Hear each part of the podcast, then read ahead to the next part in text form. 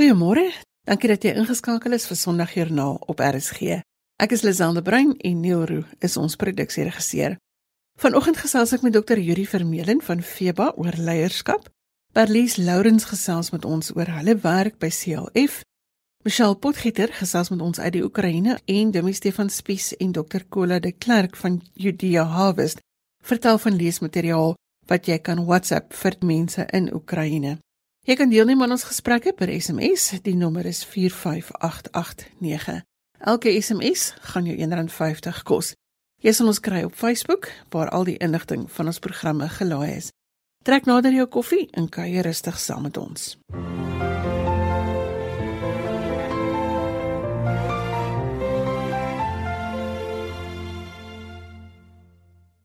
Dr. Yuri Vermeulen is die nasionale direkteur van FEBA Radio en vanoggend gesels ons oor leierskap. Ons leef in 'n tyd waar ons nodig het dat baie sterk leiers na vore sal tree. Goeiemôre Yuri. Goeiemôre Lisel en luisteraars, lekker om saam met julle te wees. Yuri, net eers vir die mense wat nie bekend is met FEBA Radio nie, wat doen julle? FEBA Radio staan vir Far East Broadcasting Association En dit het daai naam omdat ehm um, dit 'n Christelike media organisasie is wat 77 jaar gelede in die ooste ontstaan het. En dit het so gebeur dat Amerikaners wat in die ooste was tydens die Tweede Wêreldoorlog gesien het dat daar geen kerke was en baie min Christene en hulle het ernstig begin bid en die Here vertrou om hulle te wys hoe kan ons hierdie dosyne lande en honderde miljoene mense bereik? En dit is hoe die Far East Broadcasting FEBA ontstaan het. En so ons het begin uitsaai na China toe deur middel van kortgolf. Dit was nou die baie uh, moderne tegnologie van daai van daardie tyd. En toe China kommunisties raak en al die westerlinge uitjaag, toe uh, verskuif ons na die Filippyne toe. Ons het vandag begin uitsaai. En ons doen dit vandag nog steeds, maar vandag is dit nou 'n globale organisasie wat in meer as 50 lande werk en 150 etniese tale en uh, en omtrent 150 FM voltydse FM Christelike stasies het wat uitsy na die die minst bereikte mees vervolgde lande van die wêreld. So dis 'n wonderlike instrument in God se hand ook om baie miljoene mense jaarliks te bereik met die evangelie wat andersins nooit dit sou gehoor het nie. Hierdie vanoggend gesels ons oor leierskap. Nou jy het 'n reeks artikels geskryf oor leierskap in die kerkbode, maar jy het ook jou PhD oor leierskap gedoen. So ek wil sommer nou wegspring deur te vra hoe jy leierskap definieer. Lisel leierskap, jy sal verbaas wees om te weet dat daar nie konsensus is oor presies wat leierskap is nie. Dit is so 'n algemene term en word so baie gebruik. En die rede daarvoor is dat soveel navorsers amper soveel definisies van leierskap kry jy. Mense identifiseer dit aan die hand van persoonlikheidseienskappe, dat jy die sterk persoonlikheid het, die charismatiese persoonlikheid en ander gaan weer oor na die sosiale kant toe waar hulle dit beskryf as 'n sosiale funksie, net om die, die gemeenskap te organiseer Ander meen dis weer 'n praktiese vaardigheid wat sommige mense het en ander dink dis ingebore en ander weer is is aangeleerde gedrag. Maar die waarheid is dat dit eintlik 'n kombinasie van al daai goed. My ervaring van leierskap en leierskapsontwikkeling deur die jare het vir my by 'n baie eenvoudige definisie van leierskap gebring. So sommige sal sê dis invloed, en ander sal sê leiers is op pad eers heen en so aan maar vir my is leierskap dood eenvoudig die feit dat sekere mense kan goed laat gebeur. Dinge gebeur net waar hierdie mense funksioneer en uh hoe meer effektief hulle funksioneer, hoe meer gebeur dit effektief. En hierdie mense wat goed laat gebeur, jy herken hulle. Dis nie moeilik om 'n leier te herken nie. Sy of hy laat eenvoudig dinge gebeur en um, hulle het die vermoë om hulle doelwitte in lyn te bring met hulle hulpbronne, met dis nou hulle mense, hulle finansies, hulle fasiliteite. So dis hierdie doelwitte, hulpbronne en hulle hele omgewing om al daai goed in lyn te bring. En dan gebeur dinge. Dis soos om met jou fiets teen 'n bult af te ry. Dinge gebeur net dood eenvoudig. En so in my ervaring wat nou werk met baie leiers in FEBA oor die hele wêreld in verskillende kulture en lande en tale, ek sien dit is so mens leiers baie maklik herken. En dan kan jy met daai leiers werk om hulle op te lei, weet om nog meer effektief te te word in hulle leierskapposisies. Hierdie as leierskap so belangrik is vir vooruitgang en sukses. Hoekom kies mense so dikwels swak leiers? Daar's al navorsing oor gedoen, 'n uh, so baie interessante vraag wat jy vra. En uh, navorsers het gevind dat kyk mense soek na leiers. Ons wil rigting hê en ons wil eers heen gaan. En uh, mense kom dan en stel hulle self voor as leiers op verskillende maniere. Hulle sal 'n doelwit hê wat resoneer met mense en so mense volg hierdie mense. Maar wat navorsing gevind het is dat ons kies dikwels swak leiers omdat ons selfvertroue baie maklik verwar met vaardigheid. As ons glo mense wat sê hulle kan sekere goed doen en hulle kom vol selfvertroue voor en dan volg ons hulle en dan heel dikwels het hierdie mense nie die vaardighede om te doen wat hulle beloof het om te doen. En dit sien ons nou baie duidelik in baie lande. Dis 'n hartseer verhaal reg deur Afrika tot in die ooste vind 'n mens dit. Die tweede rede wat hulle gevind het is dat mense word aangetrek deur charismatiese persoonlikhede. Hulle is nie altyd helder en hulle kyk nie altyd mooi. Het hierdie mense, hierdie charismatiese sterk persoonlikhede 'n baanrekord van diens en van sukses waar hulle was en dan volg ons hulle, stel hulle aan in posisies en dan uh, op jou einde is dit 'n hartseer saak.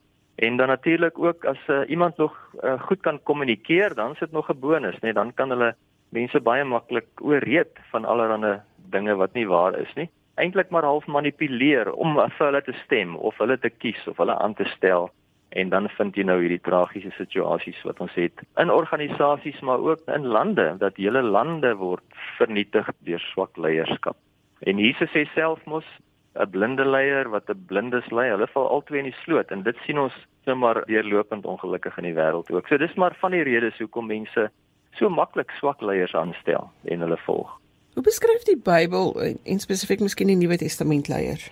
Dis baie interessant. Eh, ek het um, navorsing gedoen spesifiek op die Pauliniese briewe En uh, Paulus het uh, weet ons ken almal die films van Hollywood, die hierdie Marvel films met die superhelde met kragte wat veg om die aarde te red en so aan. Nou Paulus het amper so 'n tipe van superkrag aan leiers toegeken deur 'n baie interessante woordjie te gebruik. En die woord was nie algemeen gebruik vir leiers in die antieke wêreld nie. Daar was Die leiers is ander goed genoem wat hulle status en hulle posisie in die gemeenskap beklemtoon het soos Argos en Hegemenos en Pantokratoros en sulke kragtige woorde, maar Paulus kom en hy gebruik so 'n eenvoudige ou woordjie wat so algemeen was 2000 jaar gelede en dis diakonos. Dis 'n slaaf, 'n huiskneg, 'n gewone huiskneg, 'n dienskneg en 'n doulos wat 'n slaaf is. En hy stel die twee amper gelyk aan mekaar. So as hy praat in Korintiërs van ek en Apollos en Petrus, ons is maar net diakonoi. Ons is maar net gewone huisknegte wat God dien en wat julle help om God te dien. En wat dit so kragtig maak, hoekom ek sê in my ervaring is dit amper soos 'n superkrag, is dat leiers wat hierdie kwaliteit het om regtig hulle mense te dien, vir hom of vir haar kan niks in in hulle pad staan nie, want Hulle mense wat weet dat hulle leiers gee om vir hulle en hulle kan dit sien in die diens wat hulle ontvang van hulle leiers en dat hulle leiers werklik omgee en hierdie mense se voordeel vooropstel in besluitneming en hulle help en bekragtig en toerus om nog beter te word.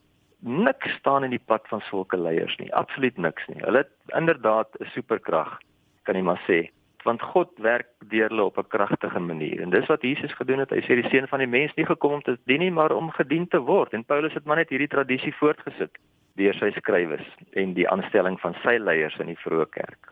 En so gesels Dr. Yuri Vermeulen. Hy is die nasionale direkteur van Feba Radio. Yuri, baie dankie dat ons vanoggend so 'n bietjie by jou kon inskakel om te hoor hoe leierskap lyk. Dankie vir die saamgesels. Groot plesier en baie dankie.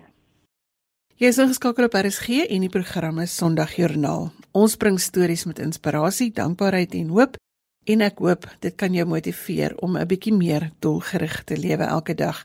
Gaan maak gerus 'n draai op RSG se webblad by rsg.co.za as jy inligting oor ons program wil hê. Ek hoor graag van jou teen R1.50 per SMS en jy kan ook al die inligting kry by Sondagjoernaal op Facebook en by Twitter op ZARSG.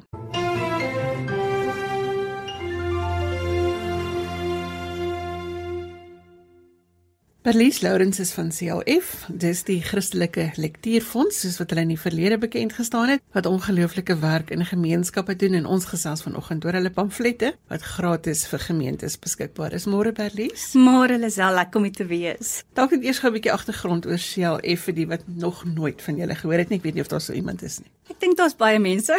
Ehm um, so vir die wat nie vir CLF ken nie, dit is 'n nuwensgewende organisasie wat so amper 65 jaar gelede deur sendelinge gestig is. En hulle hart was regtig om die boodskap van die Bybel na alle mense te neem in hulle eie taal. En ek dink vandag nog praat ons van ons wil daai man onder die boom bedien met die evangelie. So ja, dis dis waar CLF vandaan kom. In hierdie dag en tyd sou 'n mens dink dat 'n pamflet, soos ons almal dit ken, uitgedien is, maar dit is eintlik allermins hoe dit werk. Ja. Almal dink alles gaan tegnologie se kant toe, maar nee, dit is nie alles waar nie. Absoluut. Ek sê altyd in die 1600s was dit bekend as traktaatjies. En as jy nou in vandag se terme wil praat, was dit die sosiale media van daai eeu, want alles was omtrent op 'n traktaatjie gewees. Maar pamflette in sy fisiese uh, papiervorm het absoluut sy plek. Ons sê hierdie is ons ongewone sendeling, want of dit nou 'n persoon is wat jy langs die pad kry en of dit 'n kerk is wat 'n uitreik het en of dit mense is wat sending gaan doen in Afrika. Nie almal van hulle het noodwendig 'n smartphone, jy weet of 'n slimfoon of ehm um, toegang tot tegnologie of al het hulle 'n foon, nie noodwendig data nie. So hierdie pamflet, al is dit ietsie wat iemand kan agterlaat en ons glo en met ons hele hart dat die Heilige Gees deur daai pamflet met daai persoon gaan praat. En of dit gaan oor die evangelie bedien en of dit gaan oor 'n sosiale kwessie want ons het 'n wye verskeidenheid daaroor. Hierdie pamflet glo ons gaan 'n impak hê en dit kan iemand se lewe verander. En ja, ons verstaan dat ons in 'n tegnologie wêreld um, lewe waar baie dinge digitaal is. So ja, ons maak ons pamflette ook in elektroniese formaat beskikbaar sodat mense dit kan aflaai en per e-pos of op 'n WhatsApp of so kan versprei. Maar ons glo nog vas dat hierdie pamflet daai persoon onder die boom of daai persoon op straat of waar mense ook al met iemand in aanraking kom vir hom iets fisies kan agterlos en en dit 'n impak in daai persoon se lewe kan maak. En die ding wat jy nie moet miskyk nie, almal praat deesdae van korter en minder. Dit is 'n opgesonde weergawe van dit wat jy wil sê en die die pamflette wat ek nou spesifiek raak gesien het is oor selfdood en oor depressie. Wat so belangrik is uh, vir ons tieners dit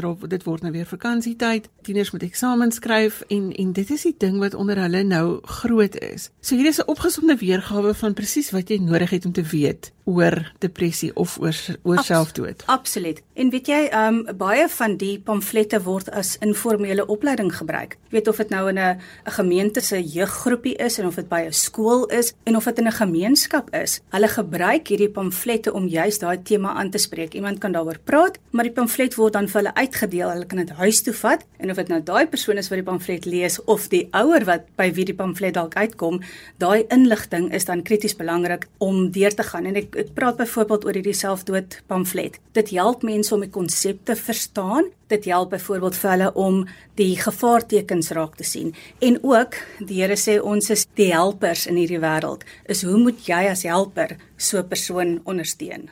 Ek het ongelooflike stories gehoor waar iemand hierdie pamfletjie optel het sy die wind hom weggewaai het en of hy op 'n koppie te of iemand hom op 'n koffietafel gelos het en ek dink nie mense moet die waarde onderskat Absoluut. van net om iets iewers neer te sit nie. Ek het nou gesê dis gratis beskikbaar. Hoe werk dit? Gemeentes kan by julle bestel. Yes. Ons het ons sal net ook seker praat oor die boekwinkels, maar ons het afsetpunte waar die pamflette gratis beskikbaar is of ons hoofkantoor is in Wellington. Ons het ook 'n aanlyn winkel, so mense kan na die aanlyn winkel toe gaan. Hulle kan dit daar bestel. Daar's nou wel 'n posgeld betrokke, maar die pamflette self is heeltemal gratis. Of hulle kan net 'n e-pos stuur na order@clf.co.za en hulle bestel die pamflette en dan het hulle natuurlik ook die keuse van taal. Meeste pamflette is in Afrikaans en Engels beskikbaar, maar baie van hulle, veral die evangelie en in so aan, pamflette is in 'n wye verskeidenheid. Al die Afrika tale, Khoza, ehm um, daar's tot Portugees of Chinees. Jy weet so daar's 'n wye verskeidenheid tale waarna dit op beskikbaar is. Gee gou weer vir ons daardie e-posadres want ek dink dis die maklikste men miskien sommer die aanlyn winkel se adres. Yes. Die aanlyn winkel is shop.clf.co.za en dan die e-posadres waarheen hulle kan stuur is order@clf.co.za. Skus vir die Afrikaans en Engels te mekaar. Of dis maar wat dit is, dis daar. Dit kan nie makliker wees as dit nie. Dit is shop.clf.co.za of order @clf.co.za. So daarvan gepraat, ek het op sosiale media gesien dat julle nou meer as een winkel het. Vertel ons van die winkels. Yes. So CLF het in Bloemfontein destyds begin en was daar 'n klein boekwinkeltjie by die Twee Toring Kerk in Bloemfontein, maar het ons gesien oor die afgelope 2 jaar hoe baie van ons ekumeniese gemeentes swaar, jy weet, swaar gekry het onder COVID en baie van hulle boekwinkels het, het toegemaak. En na navorsing wat ons algemene bestuurder ook gedoen het, het ons besef dat buiten dat ons eie produkte 'n afsetpunt nodig het en in gemeenskappe waar dit krities noodsaaklik en belangrik is om Christelike lektuur beskikbaar te stel. Het ons ook gesien dat daardie gemeentes of daardie denominasies het ook afsetpunte nodig vir hulle produkte. En so het ons toe nou verlede jaar Augustus 'n Kimberley boekwinkel oopgemaak en gaan ons nou hopelik hierdie maand of dan nou die 1 April die Klebega, skus, dis mos by die ou PE. Ehm um, gaan ons daar by Newton Park ons derde boekwinkel oopmaak en beplan ons dan later die volgende maand of die maand daarna ook een in Hatfield en dan bietjie later kyk ons ook vir die Wes-Kaap ene. As dan nou 'n Bybelkarakter by so 'n boekwinkel instap en jy kan vir hom enigiets vra. Wat sal jy vra? Eintlik moet ek begin met wie sal dit wees? As jy nou kan kies wie daar moet instap, wie sal dit wees en wat gaan jy vir hom vra? Dis 'n interessante vraag. Ek dink ook mense sal gegee word die konteks of situasie waarin hulle hulle self bevind dalk sekere karakters kies. Um ek dink vir my sal dit definitief Maria wees. ek sal vir vrou, hoe het jy dit gedoen? Maar nee, ek weet weet ek dink altyd en ek glo elke generasie se kinders is vir daai tyd word vir daai tyd gebore. Maar ek sal dalk vir Maria vra, jy weet gegee dat jy weet hoe die wêreld nou lyk like en nog gaan lyk, like, wat se waarvoor moet ons ons kinders voorberei en gee vir my raad en tips, jy weet vir vir die hedendaagse lewe en en hoe die wêreld op die oomblik lyk. En hoe kry jy jou moederhart so sterk? ja, net so. waarvoor is jy dankbaar in die lewe? Weet jy gesondheid? Ek dink dis een van die baie belangrike dinge op die oomblik en vir familie om goeie verhoudings met met my familie te hê. En sy gesels by Lies Lourens, sy is van CLF en ons het gesels oor hulle lektuur wat beskikbaar is in die vorm van pamflette en daardie kontakbesonderhede jy kan bestel by order@clf.co.za of jy kan gaan kyk by hulle aanlyn winkelshop www.clf.co.za en dan is daar ook die winkels. Wat nou weer waar is? In ons het in Bloemfontein, Kimberley en dan maak die PE of Klebe gaan Newton Park ene binnekort oop en dan later die jaar Hatfield in die Kaap. So maak seker dat jy by een van daardie winkels 'n draai gaan maak by Lies baie dankie net vir die inloer vanoggend. Groot plesier, dankie Lisel. Mm -hmm.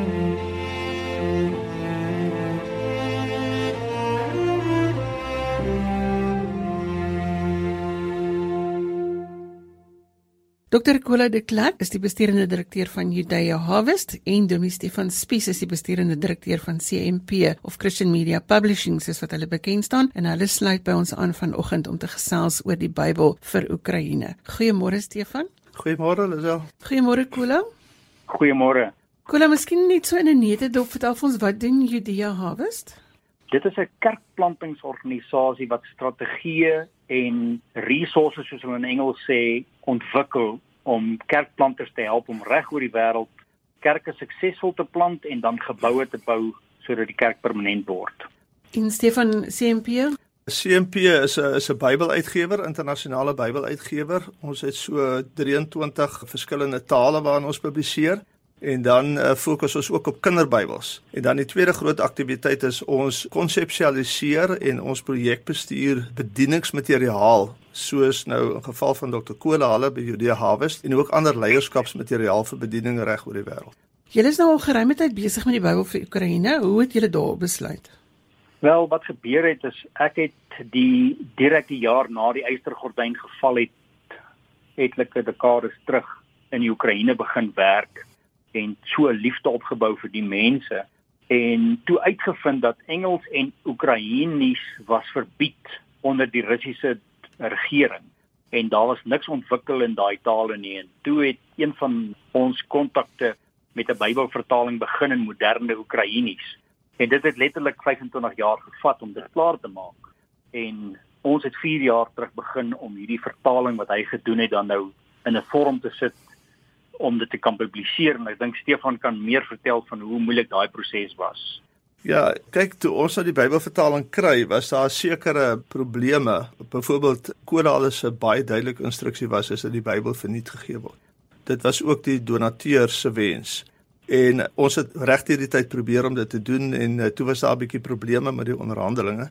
En toe was ons gelukkig geweest om deur 'n kontak van Kola eintlik 'n fantastiese vertaling te kry. Dit is die vertaling van die hoof van die Westerse Ortodokse Kerk. Dit was ook 'n nuwe vertaling, vertaling wat nog nooit in uh, gepubliseer is nie.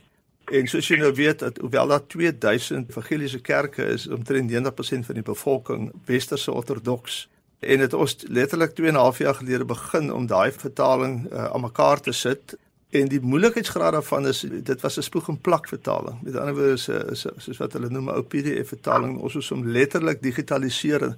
Ek en Kola het vir 'n lang tyd vir mekaar gesê, "Jesus, bediening is vat so lank, jy weet, hoekom moet dit gedoen word?" En min het ons geweet dat die lang proses van volledige digitalisering op die ou einde vir ons in staat gestel het om 'n klomp nuwe produkte te maak wat nooit moontlik sou wees as ons nie die vertaling heeltemal gedigitaliseer het van die begin af. Stefan, maar die belangrikheid hiervan is kort voordat die oorlog uitgebreek het, is hierdie het hierdie Bybel nou in druk gegaan, Kola. Die Bybel is beskikbaar. Wat sê reaksie kry julle nou in hierdie tyd op die Bybel? Ja, dit is ongelooflik ek moet eerlik sê, toe die oorlog uitbreek, het ek gedink ons het die Here se tyd gemis. Maar nou besef ek dit is eintlik perfek op tyd want soos wat die druk op mense kom, so reik hulle nou uit na die Here toe. So ons het 'n ongekende vraag na hierdie produk nou wat ons nie eens verwag het nie. Soveel so dat ons nou die eerste 15000 wat ons nou gedruk en betaal het, nou opskuif na 'n 100000 toe. So soos wat ek nou met jou praat, weet ek ek het die video kort terug gesien waar hulle nou 40000 nuwe eksemplare druk om te verskeep na daai mense toe so in die vlugtelingkampe in Poland en Roemenië en allerlei plekke is daar 'n ongelooflike vraag. Ek het onmiddellik myself gevra maar hoekom is daar nou so skielik 'n vraag? Toe besef ek mense wat te voet vlug vir hulle lewe en alles moet dra wat hulle aan hulle het, kan nie nog 'n Bybel ook inpak nie. En selfs die wat Christene is, het nou nie eens 'n Bybel by hulle nie wat nog van die wat nou nou uitreik na die Here toe. So die Bybel is nou so op tyd soos wat kan kom. Ons is ongelooflik opgewonde daaroor. Alles binne die Here se tyd. Stefan daar nou nog 'n ding hiervan voortgekom waar die mense nou nie hulle Bybels by hulle het nie, het hulle digitale produkte beskikbaar gemaak. Verlede week het ek in Kola net besef, jy weet, dat die navraag vir die Bybel is so groot jy weet van sy kant af en ook by ons in die kantoor het ingekom met mense bel Bybel ministry organisasies, bedieningsorganisasies om te sê luister kan ons van die Bybel kry waar hulle daarvan gehoor het weet ek nie. En toe het ons besluit, jy weet wat kan ons doen en ons het toe gesê kyk ons was eintlik besig met 'n verbondsbybel vir kinders, eintlik fantasties. En daar was 32 stories in en die die stories is gehandel oor die Here se beloftes van hoop dat jy gekies is deur God en dat God sal vir jou sorg. En toe ons deur die tekste gaan het, het ons gevoel en ek het vir Kora gebel en gesê, jy weet, as jy mense oor televisie sien dat almal hardloop, almal het selfone by hulle. En kan ons nie kyk of ons daai beloftes in 'n formaat kan insit wat mense A op hulle mobiele selfone kan aftrek en kan versprei en dit kan versprei word deur die hele wêreld deur almal verniet as jy vriende het of organisasies en dis meer en dan ook op ons webtuistes 'n formaat te sit wat hulle kan druk, 45 bladsye.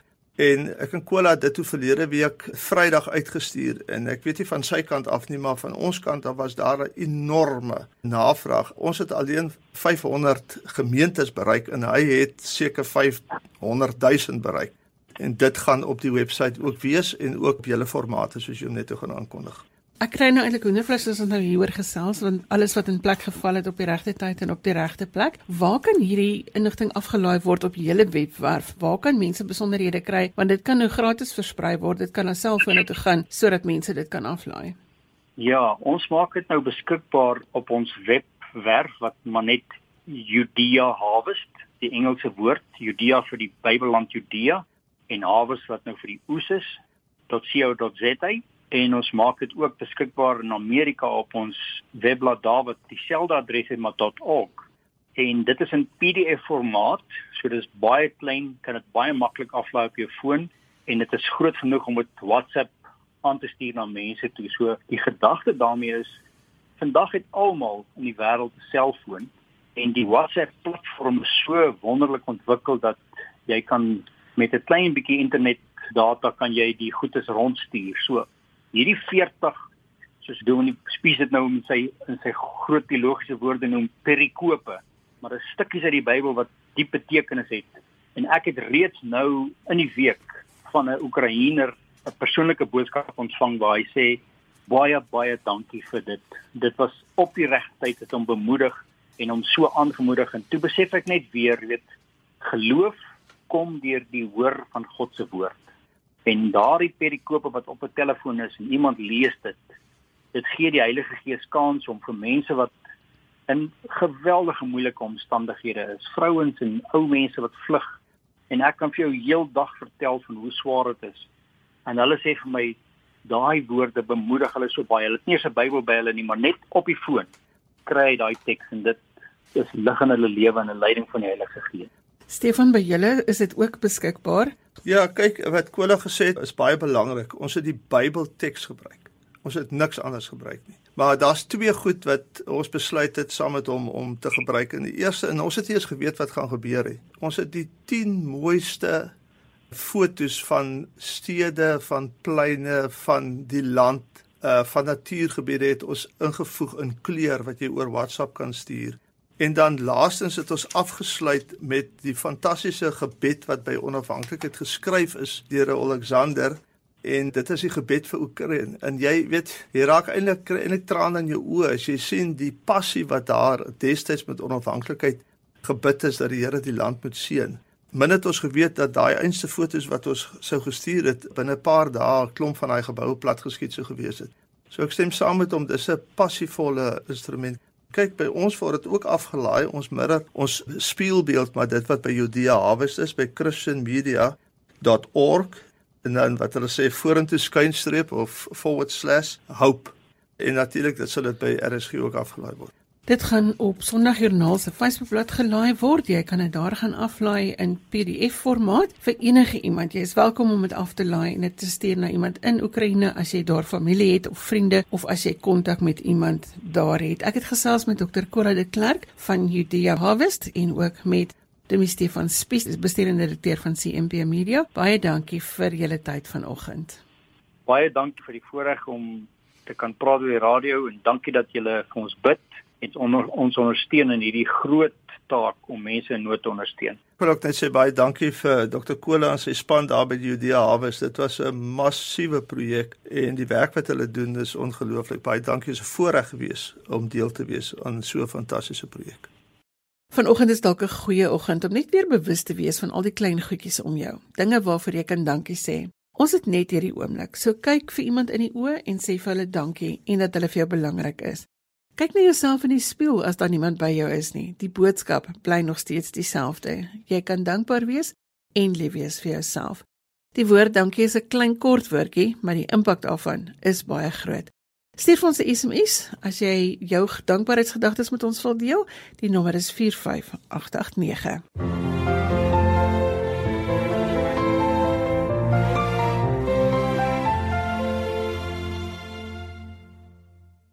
Dr. Okkert Potgieter het sedert 1996 in Rennie in die Oekraïne gewerk en daar het hy 'n gemeente gestig en ook 'n kleuterskool en 'n tuis vir kinders.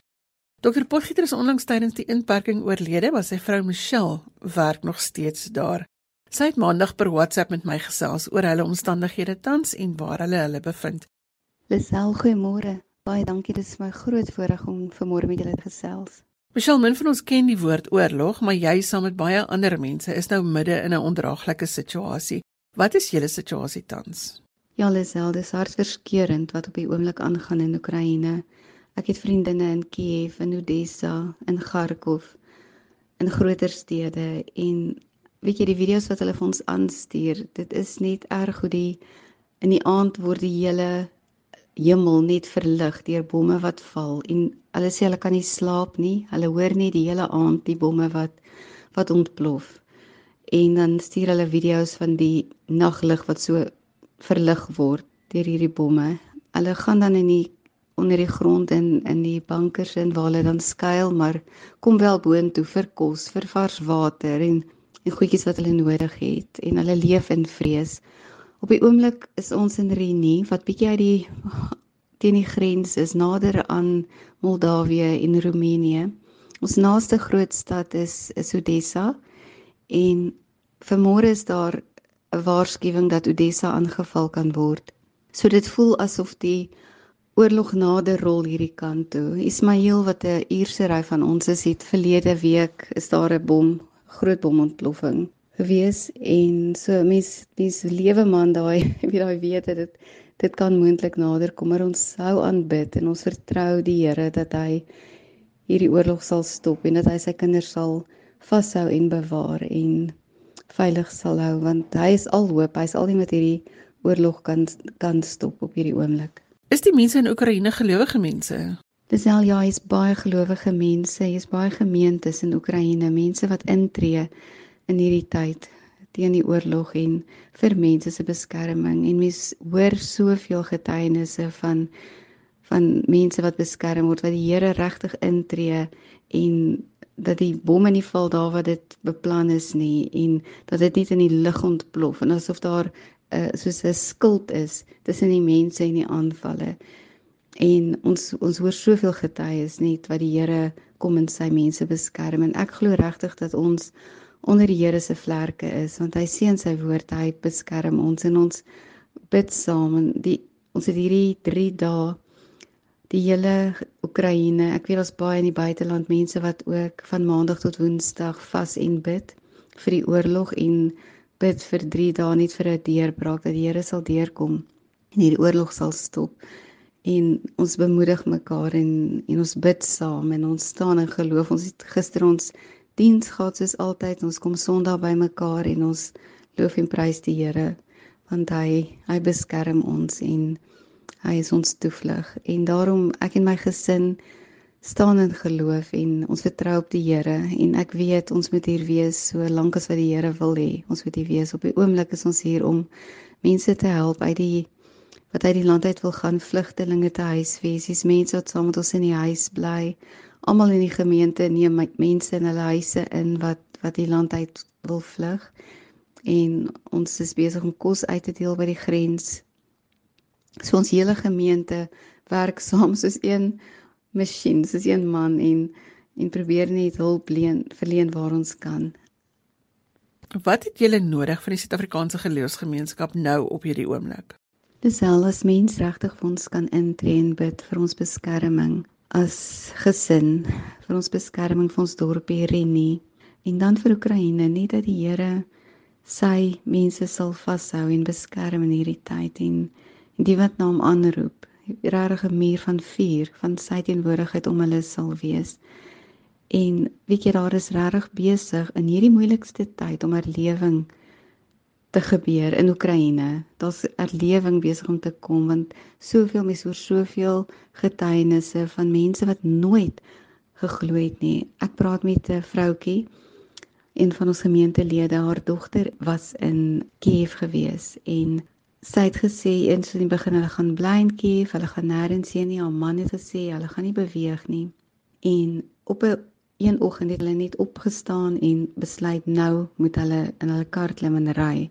En weet jy hulle is hulle is uit die huis uit. Hulle het net so int weggery toe begin die bomme val en hulle huis is plat geskiet. Hulle is oor 'n brug en toe hulle oor die brug is, toe word die brug geskiet. So hulle sou heeltemal afgesny gewees het met niks om hulle nie en hulle het gejaag tot hulle tot op 'n veilige plek. Hulle het tot in Danië gery. En toe hulle daar aangekom het, het haar man vir die eerste keer gesê, "Weet jy, ek het nooit in die Here geglo nie. Ek het altyd gesê ek is 'n ateïs, maar nou het ek begin bid en ek soek nou die Here." Weet jy, uit in Danië het hy begin om 'n kerk te soek en tot hy kerk gekry het en hy het op sy knieë gaan staan en begin om vir die Here dankie te sê. Ek hoor ander getuie van ons vrou, een van die vroutjies wat in ons kleuterskool werk. Sy is 'n groot gelowige, maar haar man het altyd ook gesê hy's 'n ateïs. Hy hy glo nie in die Here nie. Hy het, hy het altyd gesê Christendom is vir die armes, die jy weet die ongelukkige mensies en hy het homself ja, hy het gesê hy's 'n ateïs en hy's baie trots daarop. Maar die dag toe die oorlog begin het, toe bel hy haar en hy sê: "Olia, ek is in Moldawië. Ek is veilig, maar jy en die kinders, wat nou van julle? Wat kan ek vir julle doen?" Sy sê toe vir hom: "Weet jy, al wat jy kan doen is om vir ons te bid En hy sê toe, "Maar ek is ateïs, maar ja, ek stem saam. Al wat ek kan doen is om vir julle te bid." En sy sê daar was so stilte in die telefoon dat hy vir die eerste keer op so 'n manier het hy erken dat God bestaan en dit gebeur omtrent in elke familie. Elkeen roep die Here aan. El soveel mense kom en gee net hulle lewens vir die Here oor in hierdie tyd. En ek glo so dat in die moeilikste en die donkerste tyd dat daar herlewing begin in die swaarste tye in 'n tyd van oorlog dat God tog dit wat die vyand probeer versleg dat hy dit kan omdraai in iets goeds. Want alles werk ten goeie mee vir die wat in Christus is. En dat selfs in hierdie tyd die Here hierdie situasie kan gebruik dat sy kerk versterk word en dat sy kerk begin om op te staan en dat mense na die Here toe begin draai soos nog nooit nie want so baie mense bid. Suid-Afrika bid vir Oekraïne, die hele wêreld bid vir Oekraïne en God is so getrou en ek raak eintlik opgewonde in hierdie situasie oor wat die Here besig is om in mense se harte te doen en dis dis so mooi. Dis so mooi as mense begin om doel te kry vir hulle lewens. En daai mense sê, weet jy vir die eerste keer in my lewe het ek vrede. Ek bedoel dit maak nie sin nie dat mense sê in 'n oorlogssituasie dat Tanya se dogter vir sê mamma, daar het iets in my gebeur. Ek het weggehardloop met my kindertjies. Ons is amper ons is huis is geskiet. Ons het niks meer in hierdie wêreld oor nie, maar ek het so groot vrede en hoop in my en dit maak nie sin nie. En Tanya sê toe vir haar, my kind, uiteindelik verstaan jy wat dit is om die Here te ontmoet en 'n verhouding met hom te hê. So ja, die Here is getrou en hy gee ons hoop in hierdie situasie.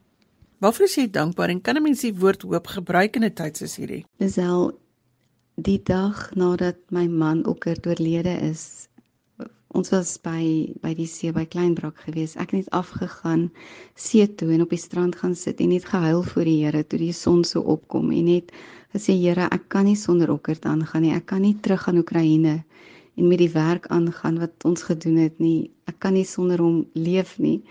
Maar die Here het so gekom en my so vertroos en vir my hoop gegee en vir my gesê dat hy by my gaan wees, dat hy my man gaan wees en my gaan bystaan en dat hy wil hê ek moet terugkom en voortgaan met die werk wat ons hier 26 jaar lank gedoen het. En dit was baie moeilik om terug te kom vir my en my kinders om terug te kom in Oekraïne want Oekraïne was al steeds toe vir Suid-Afrikaners. Maar ek het so lank gewag vir 3 maande lank en ek het net eendag besluit nou koop ek 'n geloofkaartjies en ek vlieg Oekraïne toe. En weet jy dit was asof die Here net die paspoortbeheer se oë toegemaak het. Hulle nie eers gesien het ons kom van Suid-Afrika toe nie. Hy het net my paspoort gevat, gestempel en ons laat inkom. En dit was en dit was my so bemoediging dat God met ons is, dat hy die deur oopmaak. En dit was 2 weke voor die oorlog begin het. Ek het geweet ons kom dat dat dit moontlik 'n oorlog gaan wees en ek het geweet dat ons hier moet wees vir die mense, vir die gemeente, vir die kindertjies wat ons hiermee werk en ek glo nie dat dat 'n herder nie vir die skape kan sê as die wolwe kom oor hier, ehm um, julle moet veilig bly, maar ek gaan nou oor die oor die muur spring, ek gaan weg nie. Maar dat die mense juis nou bemoediging nodig het en nodig is dat ek hier is en ons ons as 'n gemeente werk saam en ons bemoedig mekaar en dit is wonderlik om te sien hoe die Here ons nader aan mekaar gebring het in hierdie tyd. En ons bid elke dag saam en dit is net al is 'n mens in 'n oorlogssituasie kan jy so groot vrede en hoop in jou hart hê want ek kan eerlik sê ek is nie bang nie. Ek vertrou op die Here en ek weet dat hy getrou is dat hy my en my gesin gaan beskerm en gaan toefou en as hy vir ons sê duidelik sê ons moet die land verlaat sal ons dit doen maar op hierdie stadium wil ek gehoorsaam wees en ek wil hier wees so lank as wat die Here vir my sê vir my en my kinders om hier te wees. My kinders is almal al volwasse. Hulle is tussen 25, Ivan is 16. My oudste seun is wel in Suid-Afrika, maar die ander 4 is met my hier en hulle wil hier wees. Silje is net 4 dae voor die trou, of voor die oorlog. Ekskuus, is hy getroud met 'n Oekraïense meisie. So hy gaan ook nie sy vroutjie hier los nie.